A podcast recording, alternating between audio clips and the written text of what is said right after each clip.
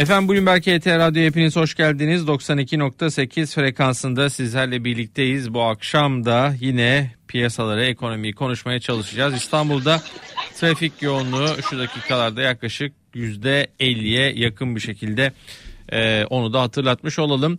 E, bu akşam konuğum Spartanko kurucu ortağı Taner Özarslan olacak. Taner abi hoş geldin. Hoş bulduk. Merhabalar Barış. Merhabalar. Sohbetimize başlayacağız. Ee, Tanrı Özarslan'la bizi Twitter'dan takip eden, Twitter'dan bizi izleyenlere selam ve sevgiler. Yine YouTube'dan e, programımızı takip eden izleyicilerimize de selamlarımızı ve sevgilerimizi iletmiş olalım. Yolda olanlara da kolaylıklar diliyoruz İstanbul trafiğinde olanlara. Taner Özarslan'la sohbete başlayacağım ama öncelikle e, Taner abi bağlantımız var onu gerçekleştirelim. ALB Coin Araştırma Müdürü Helin Çelik e, bu akşam bizlerle. Helin iyi akşamlar, hoş geldin. Akşamlar Barış Bey, iyi yayınlar, hoş bulduk. Çok teşekkür ederim. E, kripto para piyasasındaki son durumu senden dinleyelim. Biraz böyle sakinlik mi var son günlerde? E, neler aktaracaksın gündemde? Neler var kripto cephesinde? Evet son birkaç günü yatay eksende fiyatlanarak geçirdi kripto para piyasası ama akşam saatlerinden itibaren yani şu an e, 1-2 saatlik periyot içerisinde ufak tefek yukarı yönlü bir kıpırdanmalar e, yaşanmaya başladı. Bunda tabii Tether'in durumuna baktığımız zaman gönderici adreslerin sayısı sonuç ayın en yüksek seviyesine ulaş, ulaştığını gördük. E, Glassnode verilerine göre e, söylüyorum bunu. E, yani ne demek bu? E, yani borsalara Tether girişi oluyor. Buradaki stable coinlerin miktarındaki artış devam ed- ediyor. Ve aktif benzersiz adres sayısı e, öyle gösteriyor ki USDT'ler yani Tether kanadından bakacak olursak e, do, dominans seviyesinde de bir küçülme olduğunu gösteriyor. Yani e, burada Tether gönderip karşılığında işlem yapan yatırımcı kitlesi e, biraz aksiyona geçecek gibi gözüküyor. O yüzden biz ufak tefek kıpırdanmalar da gördük ve grafik üstünden gözüken başka bir durum e, teknik analiz açısından üçgen formasyonlarıydı. Şu an üçgen formasyonlarının direnç bölgesinde özellikle Bitcoin hem 9 günlük hareketli ortalamadan sıyrılmaya çalışıyor hem de bu direnç bölgesini kırmaya çalışıyor. Ancak yukarıda ilk olarak takip edeceğimiz ve daha önce sizlerle de paylaştığımız seviyemiz 40.200 dolar seviyesi. Bunu aşamadığı müddetçe ufak tefek geri çekilmeler görülecektir. Gün içi haberlere bakacak olursak yine altcoin piyasasından e, pozitif veriler geliyor. E, Stellar ağı dünden itibaren yeni ağa geçmiş oldu ve protokol 17 e, hali hazırda devrede diyebiliriz. E, böylelikle varlık iadesi söz konusu olacak. E, Dogecoin Coinbase'de listelenecek. E, tabii ki bunun fiyatlamasını biz önümüzdeki günlerde göreceğiz. Onun dışında regülasyon haberleri gelmeye devam ediyor. İsveç Merkez Bankası Başkanı'nın bir açıklaması söz konusuydu. Parçalı bir şekilde e, yapacaklarını söylediler kripto para düzenlemelerinin. E, burada da sanıyorum ihtiyaç doğdukça nerede açık varsa orayı kapatmaya yönelik aksiyonlar alınacak. Ancak İsveç'ten gelen bu böyle bir atılım e, diğer dünya ülkelerine de model olabilir. Çünkü nakitsiz toplumda çok ileri, ileriler ve e, burada dijital kronla da e, alakalı projelerini yakın zamanda e, devreye sokacaklar. Peki. Helin Çelik çok teşekkür ederim e, değerlendirmeler için. ALB Coin Araştırma Müdürü Helin Çelik e, bizlerleydi. Kripto para piyasasındaki son haberleri e, ve yorumları bizlerle paylaştı. Ben yeniden Spartanko kurucu ortağı Taner Özarslan'a dönüyorum. Taner abi kurda bir dalgalanma var. E, Borsa İstanbul'da da yatay bir seyir e, görüyoruz. Bir yere pek gitmiyor. Bir sıkışma var. Canlı yayınımızın telefon numarasını da anons edelim. 0212 255 59 20 0212 255 59 20 Öncelikle borsayı istersen konuşalım. Neden bir yere gidemiyor? Evet, tabii e, borsa beklenti satın almayı sever. Özellikle uzun vadede beklentiler yoksa e, ve e, piyasaların o beklentilere yönelik reaksiyonlar da henüz e, belirli değilse e, tabii yatay seyir bile e, iyi sayılır piyasalar açısından. Çünkü hiç değilse belirli bir yere kadar yükseldi ve duruyor piyasa. Hem de yaklaşık 10 milyarın üzerinde bir e, sadece halka arz e, geçirildi. E, yaklaşık belki 1 milyar civarında da bir bedelli sermaye artırımı olduğunu varsayarsak yaklaşık işte e, 1,5 e, 1.6 milyar e, dolara yakın bir e, biz artık e, piyasanın e, bir halka arz ve sermaye artırımından bahsediyor olacağız önümüzdeki birkaç ay içerisinde. Bu e, hani yabancıların girişle çıkışlarıyla kıyaslayınca çok çok büyük bir rakam geçmişle. Halk e, biraz daha e, hisse senetleriyle ilgilenmeye başladı. Geçmişe yönelik e, o belki kötü tecrübeleri unuttu ama yaklaşık yeni e, 1.2 milyon yatırımcı sermaye piyasalarıyla e, ilk defa tanışmış oldu. Burada gençlerin de payı var. E, ciddi anlamda e, gençler e, hisse senetlerine ilgi duyuyorlar e, veya ne olduğunu öğrenmeye çalışıyorlar. Ama e, tabii bu eğer olmasaydı ne olurdu? Borsa belki %10-15 daha yukarıda olurdu muhtemelen. Ama bu daha iyi çünkü uzun vadede e, daha fazla kaynağın sermaye piyasaları yoluyla e, ciddi anlamda e, şirketlere aktarılacağı anlamına gelecek bu önümüzdeki dönemde. Ama hani borsa endeksine bakarsak yükselmesi gerektiği yerde yükselememiş oldu ama bir dengeleme e, oldu. Yani yükselen talebi yükselen arzla dengelenmiş oldu. E, şu anda da piyasa bir şeyleri beklemek istiyor. Bu faiz indirimi olabilir uzun vadede veya işte Türkiye'deki siyasi riskin azalması olabilir. Bu e, bir anda şu anda bir kaos var e, ciddi anlamda. E, bu belirsizliğin bir miktar azalması mesela piyasaların beklentisi olabilir. Biraz ABD ile ilişkiler de belki bu dönemde e, Cumhurbaşkanı evet. Erdoğan'la Amerikan Başkanı Biden'ın görüşmesi. E, bu biraz bunun bir yön vermesi konusunda e, ne dersin? Yani bütün TL varlıklar aslında. Şimdi burada e, tabii ciddi anlamda gergin e, olan bir ilişki e, dönemi vardı. Ve bu e, özellikle S-400'lerden sonra gittikçe arttı.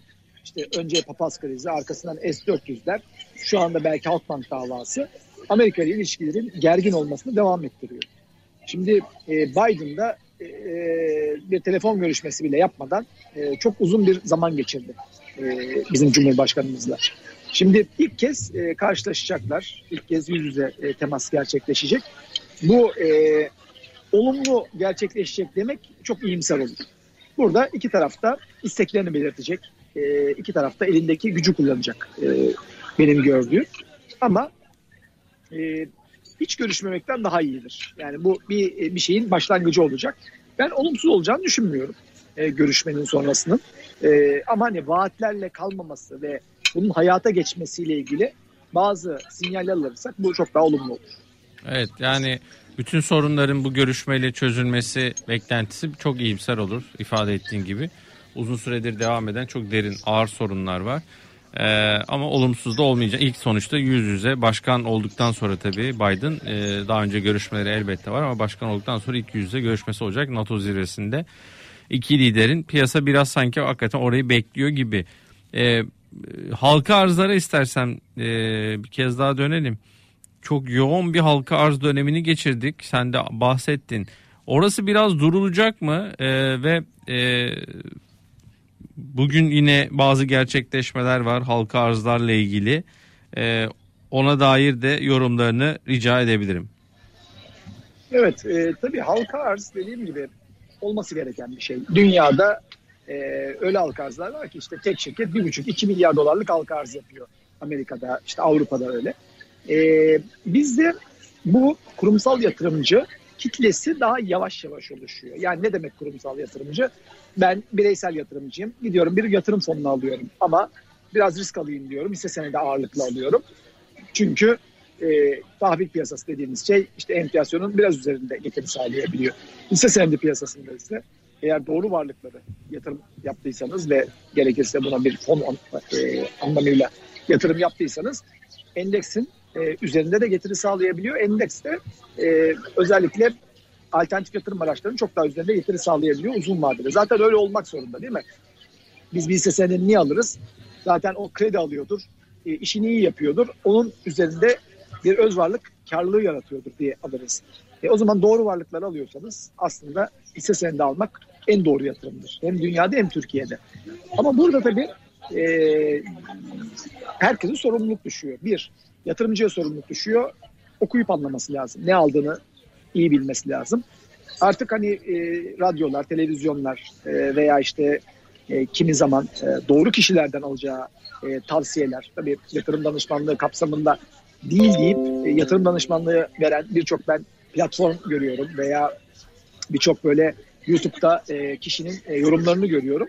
E, bunları dikkatle e, seçmeleri lazım.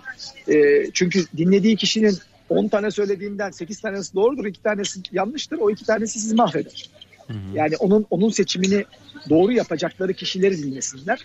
Bana göre iyi analistleri dinlesinler. E, yani bu konuda birçok yatırım kuruluşunun iyi analisti var. E, bunlar araştırma tarafları özellikle. E, doğru yorumları işte ise belirli verilerle e, konuşarak, bilimsel konuşuyorlar. Onları dinlesinler. Hani böyle e, çok böyle herkesin e, sonuçta insan YouTube'a video yüklüyor ve bunu söyleyebiliyor ama hangisi doğru hangisi yanlış bilmeyecek bir yatırımcı. Buna dikkat etsinler. Halka arzlarda da önümüzdeki dönemi e, ben kötü geçeceğini düşünmüyorum. Daha fazla halka arz gelecek. Gelmeli de. Tabii e, yatırımcıların sayısı azalıyor. Böyle 1 milyon yatırımcı falan vardı evvelden halka arzlarda. Hmm. Şimdi gittikçe o 30 bin lira falan düşmeye başladı. Bazı halka arzlarda 20 bin lira düşmeye başladı. Burada önemli olan şu olmalı. Bir, halka arzla şirketlere para girmeli. Büyük çoğunluğu şirketlere girmeli. Ortağa giren halka arz parasının bana göre sermaye piyasaları açısından çok büyük katkısı yok. Veya Türkiye'deki şirketler açısından çok katkısı yok. Bana göre halka arzlar önümüzdeki dönemde daha çok kaynakları şirketler aktarılmalı. Bu bir. İki, halka arzlarda tahsisat diye bir şey var. Şimdi burada kurumsal yatırımcılar tahsisat yapılıyor. Bir kısımda bireysele yapılıyor. E, bireysel çok fazla oluyor. İşte adam 10 lot başvuruyor, bir lot geliyor. O zaman ne oluyor? Yatırımcı bir sonraki e, seansta açılır açılmaz daha fazla göndermek istiyor. E, ve hani e, kendisine az verildiği için bu şirketin daha çok prim yapacağını zannediyor. Sonra bir bakıyor 3 gün 5 gün hareketlendikten sonra halka arz fiyatının bile yarısına düşüyor veya daha altına düşüyor veya düşecek. Burada yatırımcı şunu bilmeli. E, yatırım yaptığı şirkete niçin yatırım yapıyor? Bu şirket ucuz mu? E, bu şirketin ortakları düzgün mü? E, bu şirketin hedefleri, yatırımları onların daha fazla kar etmesini sağlayacak mı? Bu düzlemlerle bakarsa hem yatırımcı kazanır hem sermaye piyasaları kazanır. Sermaye piyasası düzenlemeleri de bana göre daha çok şirketlerin e, daha fazla e, para bulmasına yönelik e, noktaya getirilirse sermaye piyasaları hakikaten Türk şirketleri açısından ve Türkiye ekonomisi açısından çok daha kurtarıcı olur. Evet bugün BMS Çelik'te halka arz büyüklüğü belli oldu. 75,5 milyon liralık bir halka arz oldu. Ee, 31 Mayıs 1 Haziran 2021 arasında sabit fiyatta talep toplama ve satış yöntemiyle Borsa İstanbul birinci piyasada gerçekleşti. Ee, bir nokta halka arz büyüklüğü 1.8 katına denk gelen filtre edilmemiş 27,5 milyonluk nominal değerli talep gelmiş. Ee, ve 3.3 nom milyon nominal değerli ortak satışı yapılmış ee, bir taraftan. Şirketin sermayesi de 20 milyonun 32.2 milyona değil mi çıkmış? Yani evet. abi. Ee, 4.87 halka arz fiyatı. Halka arzın büyüklüğü de e, 75.5'a yakın e, geldi. Ne dersin bu konuda? E, değerlendirmen olur mu? Evet orada da eşit dağılım yapıldı. Yani Ne demek eşit bireysel, dağılım? Yani bireysel, kurumsal öyle bir fark tahsisat yapılmadı. E, herkes eşit kabul edildi. Yani ben e, 100 milyarlık bir fon olsam bana da aynı lot e, oranı geliyor. E, ben 100 lot talep etsem de aynı geliyor. Ama burada borsada satış yapıldı orada. Tek tek dağıtılıyor. Yani örneğin kaç tane yatırımcı var? 30 bin. Herkes önce birer lot dağıtılıyor. Sonra ikinci 30 bin dağıtılıyor. Üçüncü 30 bin. Birer birer. Birer birer dağılıyor. Böylece küçük yatırımcı almak istediğini büyük ölçüde alabiliyor. E, diğer e, halka arzlarda ne yapılıyor? İşte kurumsala deniyor ki yüzde seksen tahsisat yaptım diyor. Yüzde yirmiyi bireysele dağıtıyor. O zaman kurumsal çok büyük lot alıyor ama bireysel alamamış oluyor. E, burada farklı bir yöntem e, tercih edildi ve böylece e, bireysel yatırımcıya alabildiği kadar e, hisse senedi alınması sağlandı. Hani sermayenin tabana yayılması kuralı orada e, gerçekleştirilmiş oldu. E, bana göre hani böyle halka arzlarda 20 kat talep geldi, 30 kat talep geldi. Bunlara değil, e, bunun nasıl dağıldığına, bir kere bakmak lazım. Ama hepsinden önemlisi o şirketin fiyat tespit raporlarına bakacaksınız. Yani neye göre fiyat tespit edilmiş, e, buradaki potansiyel ne, e, hatta hatta yeni yatırım yaptıktan sonra o şirket e, neler yapabilir diye bakmaları lazım. Bu ölçütte yatırımcı olarak e, halka arzlara yatırım yaparlarsa yatırımcı açısından çok olumlu. Çünkü ondan başka kimsenin maliyeti yok. Hani bazı şirket vardır. Adam 20 senedir işlem yapıyordur. E adam belki 20 sene önce almıştır. Maliyeti sıfıra yakındır. En kötü piyasada satsa bile kar eder. Bu halka arzlarda öyle bir şey yok. E bir de tabii sermaye piyasası kurulunun Borsa İstanbul denetiminden de geçmiş oluyor. E, her şeyi böyle şeffaf oluyor. Tertemiz bir sayfa açmış oluyor. Yani doğru şirkete yatırım yapılırsa doğru para kazanılır ama bu her şirketin halka açılan her şirketin e, iyi fiyatta, uygun fiyatta çıktığı anlamına gelmez. Burada mutlaka e, raporlar incelenmeli ve e, gelişmeleri iyi takip etmeli yatırımcı. Ee, diyor ki Yılmaz Bey daha fazla pay senedi alabilmek için bir kişi çevresindeki 20-30 kişiyi tavlayıp onlara hesap açtırıyor. İş bitimi tekrar katılıyor demiş. Yapıyorlardı. Ee, bana göre buna ihtiyaç olmayacak şu anda. Çünkü o 800 binli 900 binli yatırımcı işte 4-5 tane halka arzda %20-25 arasında zarar ettikleri için e, küstüler. E, daha önce de söylüyorduk hatırlıyorsun. İnsanlar böyle çay kaşığıyla alıp kepçeyle verecek diye. Çünkü niye? 100 lot talep ediyordu 10 lot geliyordu ya da 5 lot geliyordu. Şimdi 100 lot e, talep etti belki e, yatırımcı 10 tanesi geldi ama düşüş başlayınca satamadı. Bir de üzerine daha fazla almaya başladı yatırımcı ki belli ki aşağı doğru kaymasının temel sebebi o. Dediğim gibi yani yatırımcının ne kadar aldığı önemli değil burada. Fiyatın yükselmesinin de önemi yok. Siz ne, yani azaldıysanız yükselse ne olacak değil mi? Siz doğru varlığı alabildiniz mi? Doğru varlığa yatırım yapabildiniz mi? Ona bakacaksınız. Yani uzun vadeli yatırımcı olacaksınız. Olunması gereken o. Peki ee, çok mesaj geliyor. Taner Bey e, yine gençleşmiş diye. Biri 10 yaş gençleşmiş demiş. Biri Vay vay. vay. her, yaş. her gün Zaten gençleşiyor. 30 20'ye mi düştüm şimdi? Ha? 30'dum 20'ye düştüm. Vallahi bilmiyorum ben. Maşallah diyelim ya. Maşallah. Pozitif Maşallah. pozitif adamsın ya. Ee, bu arada Cuma yayına geliyorum biliyorsun. Yayına stüdyoya geliyorsun. Küresel piyasalara geliyorum. Tamam süper. Sonra yayından sonra Ama yani benimle fotoğraf falan çektirmekten çekinirsen bilemem bak Barış. Taner Bey daha genç gösteriyor yine klasik derler. Biraz dolar dolar konuşalım. E, dolarda bir e, dün yapılan açıklamalar sonrası Cumhurbaşkanı Erdoğan e, Merkez Bankası Başkanı ile konuştum. Faizin inmesi gerek e, Temmuz Ağustos dönemini işaret etti. E, akşam sığ e, piyasada bir 8.80'i gördü. Ardından biraz gevşedi sabah. Sonra Merkez Bankası Başkanı'nın açıklamaları var. Erken e, gevşeme beklenmesin diye e, bizden. E, o açıklamalar sonrası şu an 8.60'ın hemen kıyısındayız. 8.59 60'lar. Nasıl e, bu arada Ali Koç'a da benzetmiş seni bir. Hakikaten şuradan bakınca bir Ali Koç andırıyorsun yani. O buralarım açılmaya başladı. Yandık. Ee, evet borsa iyi konuştuk. Biraz kur konuşalım. Ne diyorsun? Şimdi bakın. Ee, iktisadi e, literatürden ben ancak bahsedebilirim bir iktisatçı olduğum için. Hani ekonomi 101 diyebiliriz. Bazı kurallar vardır. Hani ne neyi doğurur e, anlamında.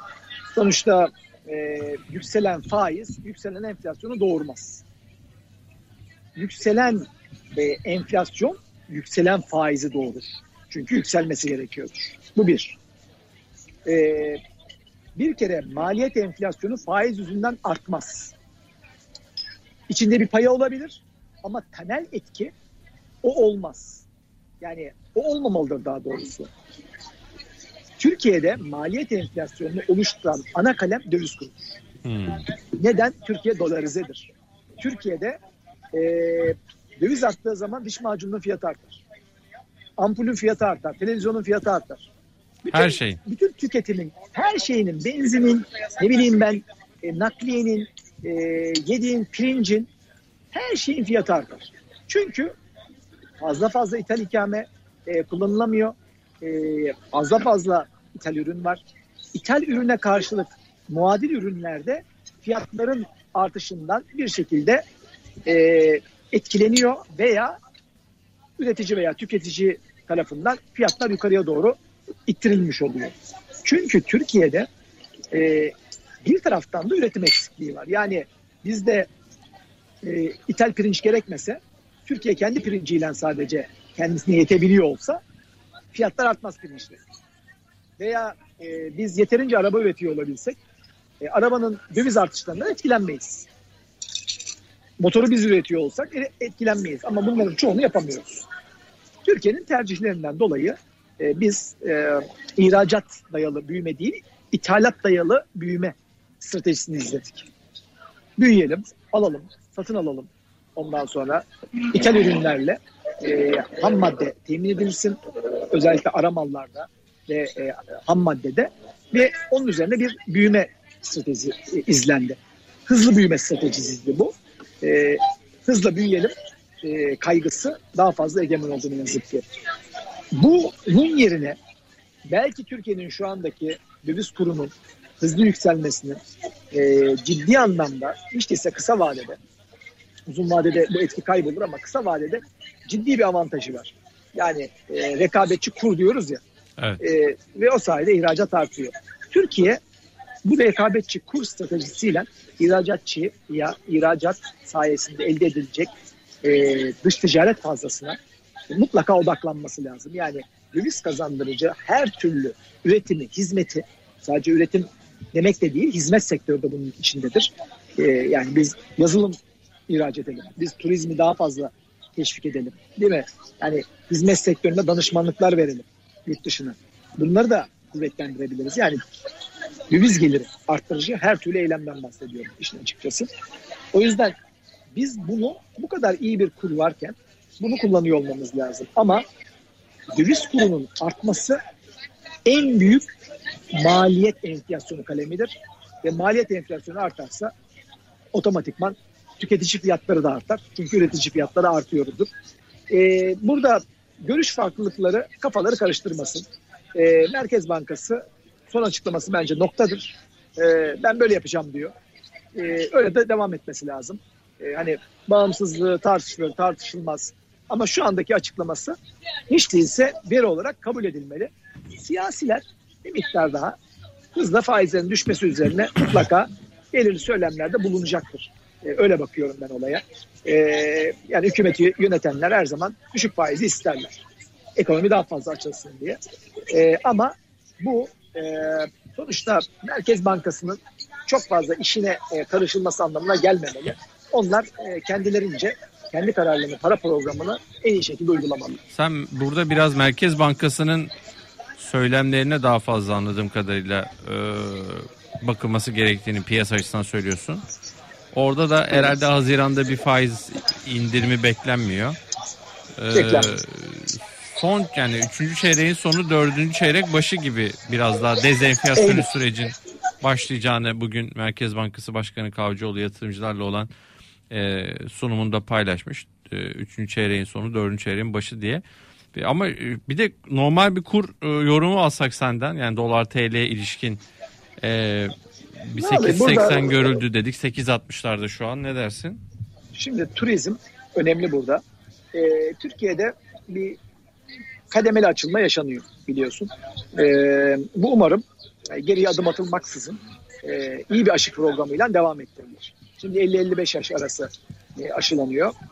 Hızla e, muhtemelen e, ay sonuna doğru 45'lere belki 40'lara doğru hızla e, indirilir umarım. Bazı özel e, sektörler de e, bu bakımdan e, aşılanıyor. Bu aşılama ne kadar hızlı olursa Türkiye'de hayat o kadar normalize olur ve turizm özellikle hiç değilse Temmuz'dan itibaren yeniden tırmanışa geçer. Ben böyle olacağını umuyorum.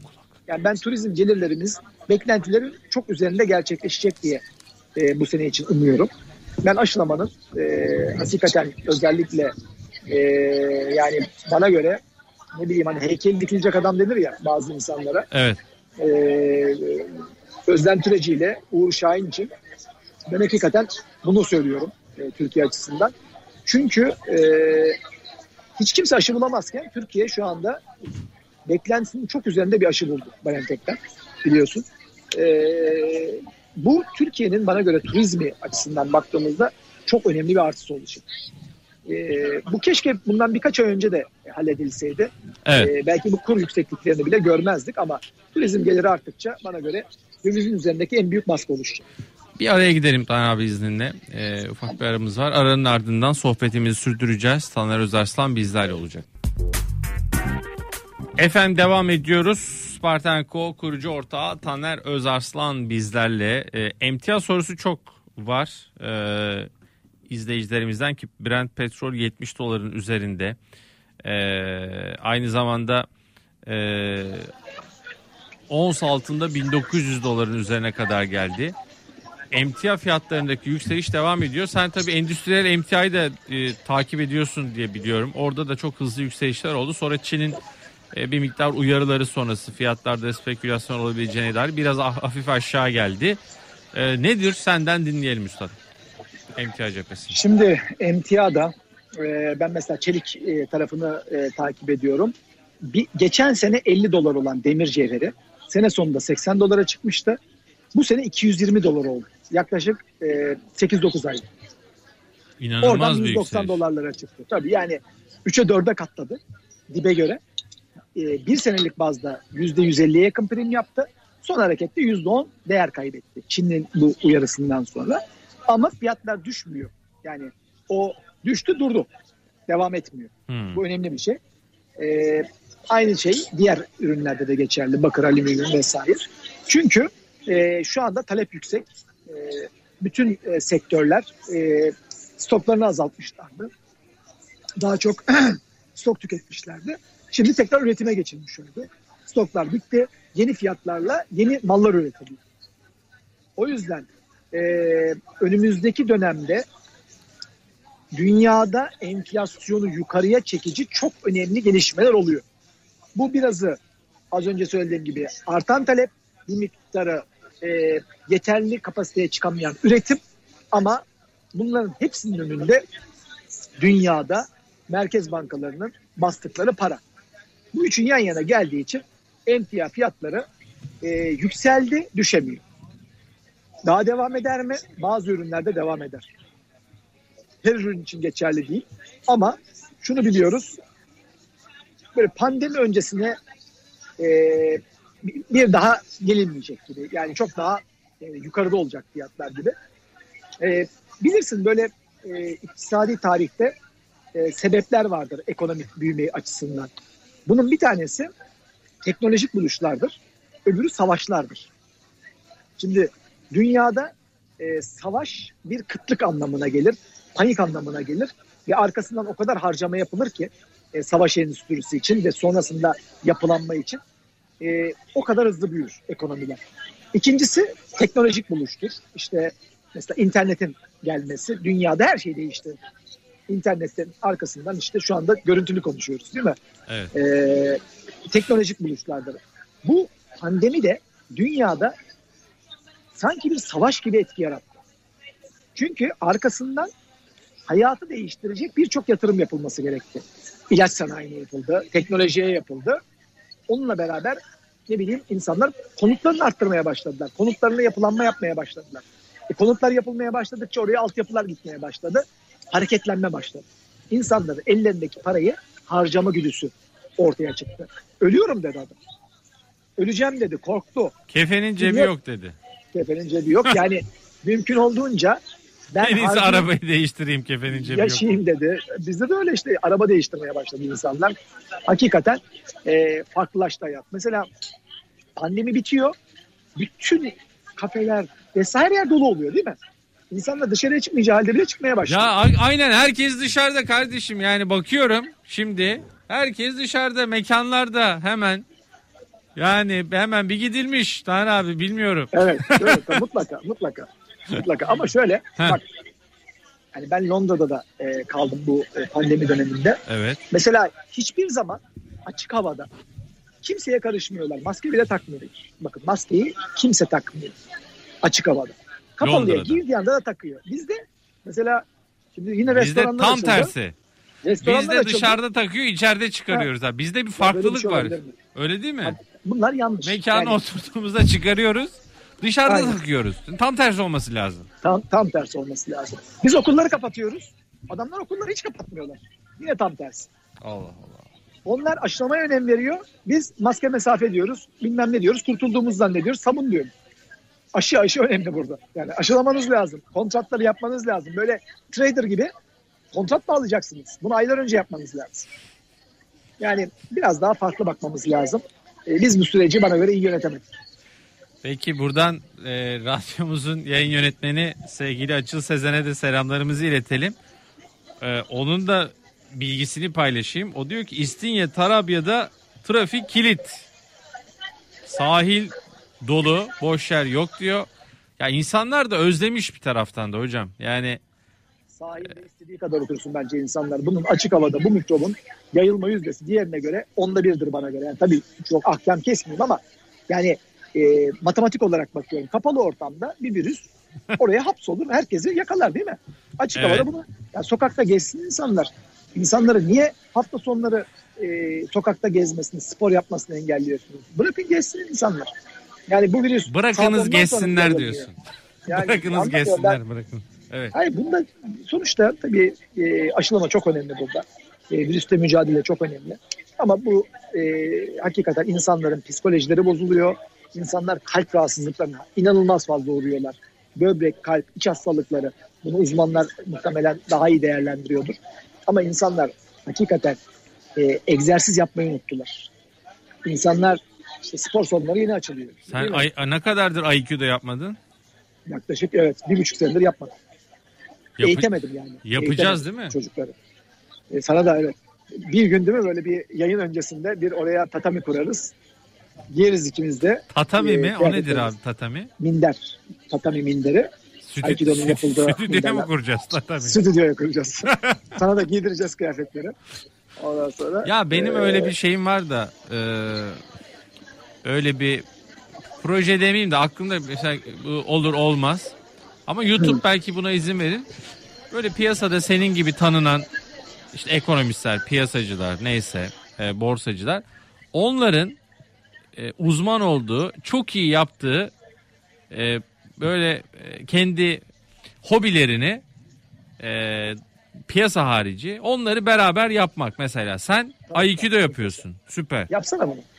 E, YouTube'da senle gidip Aikido yapacağız o çekeceğiz Tamam. yayınlayacağız Tamam. piyasa hiç konuşmayacağız mesela bizim Işık Ökte tenisçidir onunla tenis Nuri Sevgen mesela şey e, dal, dal- dalıcıdır çok iyi dalış yapar dalgıç onunla. Da- dalarız mesela ondan sonra e, ne Senle bileyim savaşa gideriz. Senle savaşa gideriz. Savaş muhabbeti yaparız. Yok onu yap onu yapmayalım da. Ee, güzel yemek yapan mesela olabilir. Yemek yaparız. Ee, yoga yapan var. Bizim Özlem Derici çok güzel yoga yapar mesela. Ben de anlamam mesela. Tayt, taytı giyip yoga yaparım belki. Peki bir telefon bir telefon var. Telefonu alalım. Hayri Bey iyi akşamlar. Ee, Barış Bey iyi akşamlar. Nasılsınız? Ee, Teşekkür ediyorum. Siz nasılsınız? Sizi duymak çok güzel. Sağ olun. Buyurun Taner Bey konuğumuz. Ben Taner Bey'e e, bir teşekkür için aradım. Ee, Ekim ayında bir programınızı dinledim e, gece küresel piyasalarda. Evet. Emtiaların yıldızının parlayacağı bir yıl olacak dedi kendisi. Ee, ben de bir emtia ithalat yapan firmada satın almada çalışıyorum. Ve bütün öz sermayemizi Ocak, Şubat, Mart'ta alımlar yaparak geçirdik. Ee, ve çok da e, güzel paralar kazandık. Kendisine çok teşekkür etmek istiyorum. Ne üzerine emtia? Ee, kimya ve plastik sanayi ama içinde metaller de var. Ee, tarımsal ürünler de var, yağlar gibi. Dolayısıyla e, bu çıkışları e, önceden alarak e, bundan faydalanmış olduk. Çok güzel. Peki te- var mı sorunuz? Ya, teşekkür ederim. Sadece hani bu ne kadar sürer? Tabii az önce yayında söyledi. Ya artık eskileri görmeyeceğiz ama belki biraz çekilme olabilir. Tabii üründen ürüne de fark edebilir. Evet. E, bu dünyadaki lojistik sorunları da düşünürsek bir 3-5 ay daha yukarılarda kalır mıyız? Onu merak ediyorum. Çok abi. teşekkür ederiz. İyi Rica akşamlar. ederim. İyi akşamlar. Yani muhtemelen ama e, şunu öngörmek lazım. Bakın insanlar bizde korkarlar ve korku kalır bazen. Bazı insanlar da daha fazla e, bu etkilidir. Hayat değişiyor. Pandemi bitiyor. Hiç değilse gelişmiş ülkelerde bitiyor. O yüzden aşı karnesiyle vesaireyle hayat tekrar hızlanmaya başlayacak. Özellikle üretim kanatlarında. Özellikle işte e, lojistik kanatlarında belki. O yüzden hayatın normalize olduğu gerçeğini akıllardan çıkarmamak lazım. Yani pazar günü mesela sokağa çıkma yasağı varken moraliniz daha bozuk olabilir. Ne bileyim şöyle bir dışarı çıktığınızda hareketli bir kafeye girin. Ya evet bitmiş burada diyebilirsiniz. Anlatabiliyor muyum? Veya işte Londra'ya gitsiniz sanki pandemi yok gibi orada bitti. Dünya değişiyor o yüzden fiyatı hızlı artmış olan, pandemi dolayısıyla artmış olan hisse senetleri, emtialar, e, ne bileyim işte insanlar çok oturduğu için evlerinde gerekirse hisse senetlerinin işte bazı bu e, teknoloji hızlı yükselen hisse senetleri. Sadece teknoloji değil böyle saçma sapan yükselen niye yükseldiği belli olmayan insanlar pandemide evde olduğu için tuşa basıp da işlem hacmini yükselttiği hisse senetleri var. Bunlardaki hayat duruyor artık. Hepsi normalize olacak. Aşırı primliler aşağı gelecek. Buna emtiyada dahil. O yüzden burada pozisyon alma zamanı geçti artık. Hayat normale dönüyor. Aşırı çıkmış olan ürünlerde e, bu etki olmayabilir. Peki e, sonuna geliyoruz ama enflasyon konuştuk. Yükselen fiyatları konuştuk. Hisse senedi piyasasını da. E, burada bu işi bozabilecek olan Amerika'da e, Fed'in adımları. E, enflasyon Amerika'da da yükseliyor. İşte bu çekirdek PC'ler çıkmış 3.1'e.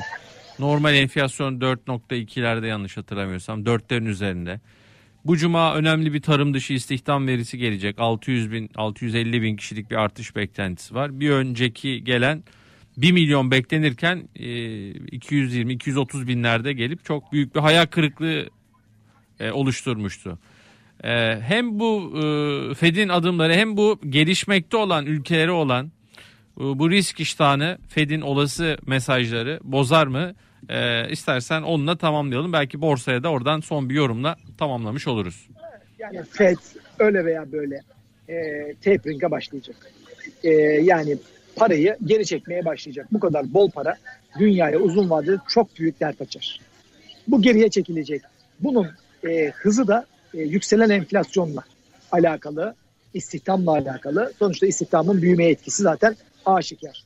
E, o yüzden ne zaman ki biz e, özellikle Amerika'da aşırı yükselmiş olan işte 4.7 değil belki 6 veya işte e, çekirdekte 2.8 değil 3.8 görmeye başlarsak emin olun ki beklentilerin çok önünde tapering başlar. E, bu başlamak zorunda sadece Amerika değil bütün dünyada. Çünkü sağlıklı bir e, oluşum gerçekleşmez. Yani e, bundan 20 sene önce 30 sene önceye baktığımızda çok daha yüksek enflasyonlar vardı Avrupa e, kanadında veya Amerika'da. Bunu tekrar yaşamak istemezler bence. Çünkü onun ekonomilerdeki hasarı daha fazla olur. Herkesin mortgage kredisi ödediği yüzde üçle kredi öderken bir anda yüzde sekize çıkması bütün ekonomiler alt üst eder. O yüzden en büyük korku bana göre enflasyon yükselen faiz olur. Ona izin vermezler. Bu yüzden de borsalarda tapering başlarsa aşırı çıkmış olan hisse senetlerindeki balon mutlaka ve mutlaka söner, patlar demeyeyim. O en büyük korkum. Ama hani aşırı çıkmış teknolojiler, ilaçlar vesaireler bunlar normalize olacaktır. Yani bu böyle bir fiyat artışı, böyle bir çarpan olmaz. Peki biz, yani biz zaten geride kaldık. Biz de e, bizim borsa endeksimizi yükseltecek olan ana kaynak bankacılık e, sektörü ve onun sayesinde onların holdingleri veya iştirak e, bandında olan e, şirketleridir. E, burada yani endeksin onlar belirleyecekler. O da muhtemelen işte Eylül-Ekim gibi e, kademeli olarak başlayacak faiz indirimi sonrasında oraya olan ilgi artabilir. E, yani ucuz kalmış olan bankacılık hisseleri ufak ufak zaten hareketleniyor. Yabancılar biraz pozisyon alıyorlar. E, doğru şirketlere yatırım yapmak. Yani Fed'e, borsa endeksi... Fed'e rağmen mi? Yani Fed bir taraftan varlık alım programında azaltma sinyalini verirse Ağustos Eylül'de. E, bizim de tam da faiz indirim beklenti yani, süreci başlıyor. Üst üste geliyor. Bir tarafta olumsuz bir tarafta olumlu gibi sanki. Ne olur? Şimdi Türkiye'nin kaynağı yoktu. Türkiye pandemiden en çok etkilenen ülke oldu. Neden? Biz e, esnafımıza para dağıtamadık. Yani çok ufak rakamlar 4 milyar falan yani bunlar e, rakam bile sayılmaz. Amerika yani bu, bu rakamlar 2 trilyon dolar diyorum. Yani o kadar büyük rakamlar dağıtmaya başladılar ki her seferinde bile. Evet. Yani biz onlara yanına bile yaklaşamadık. Biz 4 diyoruz. Bizim milli gelirimiz 750 milyar dolarda. Biz 4 milyar TL dağıtıyoruz top top. Yani bizimkiler para değil onlarla kıyaslayınca. Biz e, kapalı olan işletmelerin arkasında duramadık. Yani durulamadı çünkü öyle bir kaynak yok. Şimdi onlarda o kaynak var. Onlar o kaynağı verdiler. Ekonomileri hızlı açıldı. Biz bunun maliyetini ödedik. Yükselen faizle, azalan rezervle biz bunun e, maliyetini ödedik. Bizim o yüzden faizimiz zaten yeterince yükseldi. Biz pandemiden en kötü etkilenen ülkelerdeniz. Ekonomik olarak bakma hani ekonomi büyüyor vesaire ama milli gelir düşüyor değil mi dolar bazında? Evet. Baya baya düşüyor. Yani Türk halkı 8600'lere fakirleşiyor. Evet. Ha, Türk halkı fakirleşiyor sonuçta. O yüzden Türk halkının tekrar zenginleşmesi Türkiye olan fon akımlarının artmasıyla e, bizim e, yeniden cari açığı fonlayabilen bir ülke haline dönüşmemizle ve cari açığımızın azalmasıyla mümkün olacaktır. O yüzden pandeminin bitmesi Türkiye'ye yarar. Amerika'ya yaramaz. Gerekirse onlar çünkü bol parayı yeterince dağıtabildiler biz dağıtamadık. O yüzden Amerika'da faizin yükselmesi Türkiye'de faizin yükselmesi anlamına gelmez. Tam tersine pandemi bittiği için Türkiye'de normalizasyon daha hızlıdır. Bakalım daha çok konuşacağız. Cuma akşamı da beraberiz Cuma inşallah. akşam beraberiz. Evet, Taner Özarslan bu akşam bizlerleydi. Spartenko kurucu ortağı. Sonuna geliyoruz. Ona e, akşam bak 9'a son bir saatin hocam. Mekan 9'da kapanıyor. Mekanlar kapanıyor. Işıkları kapatırlar. Burada Maşallah. eğlence var zaten. Aynen oldukça eğlenceli e, sesler geliyor. Herkese selam sevgiler. İyi akşamlar diliyoruz. Taner sana. uğurluyoruz efendim. Akşam 9'da ekonomik görünüm var. Can Fuat Güresel ve Hakan Güldağ bizlerle olacak. Saat 10'da küresel piyasalar. Tufan Cömert ve Cem Tözge küresel piyasalarda olacak. Herkese güzel bir akşam diliyorum.